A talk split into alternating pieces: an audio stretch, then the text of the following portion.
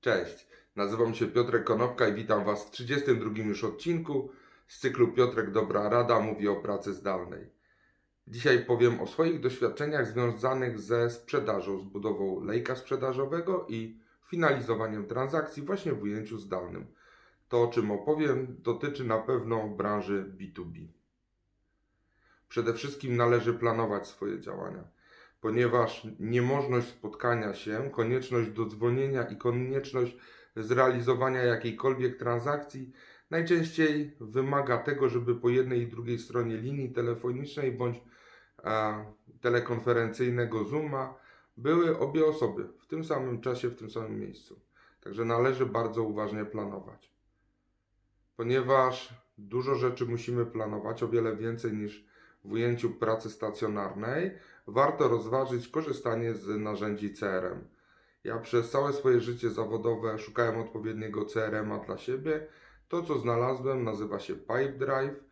Korzystam z Pipedrive'a właściwie od dwóch lat i nie potrafię sobie w tym momencie wyobrazić narzędzia bardziej przyjaznego, oczywiście dla mojego ekosystemu, z którego korzystam, ponieważ Pipedrive synchronizuje mi się z Outlookiem i z Gmailem, a ja jestem człowiekiem, który bardzo lubi korzystać z Outlooka.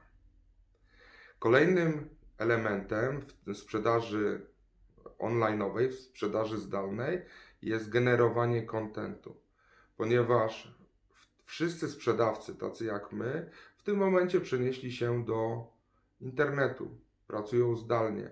Warto dostarczać dobrej jakości, darmowy content poprzez media społecznościowe, LinkedIn, YouTube, Facebook, jakąkolwiek inną platformę. Pisać artykuły, dzielić się wiedzą, Oczywiście taki sposób sprzedaży nie przyniesie najprawdopodobniej natychmiastowych, bardzo spektakularnych efektów, ale ludzie powinni skojarzyć, że jeżeli myślą praca zdalna, na przykład pomyślą Piotrek dobra rada.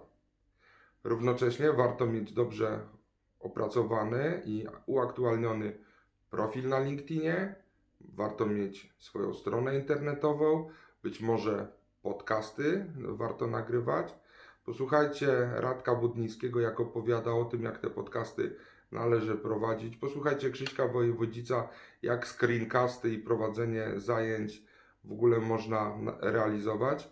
Warto słuchać mądrzejszych i bardziej zaawansowanych osób w internecie od siebie i korzystać z ich doświadczeń.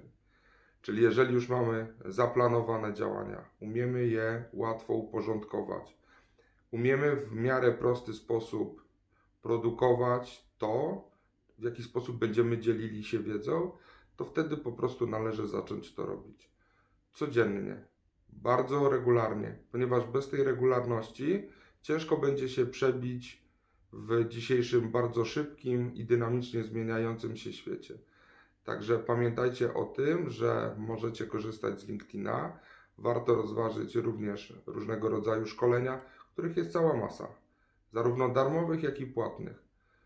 Ja ze swojej strony gorąco rekomenduję mm, szkolenia sprzedaży Sandlera, realizowane m.in. przez Jędrka Twarowskiego z firmy Sandler y, Twarowski Posmyk. Także szkulcie się, produkujcie, generujcie content, a na samym końcu sprzedawajcie i dopinajcie milionowe transakcje. Dzięki serdeczne, do usłyszenia i zobaczenia jutro. Na razie.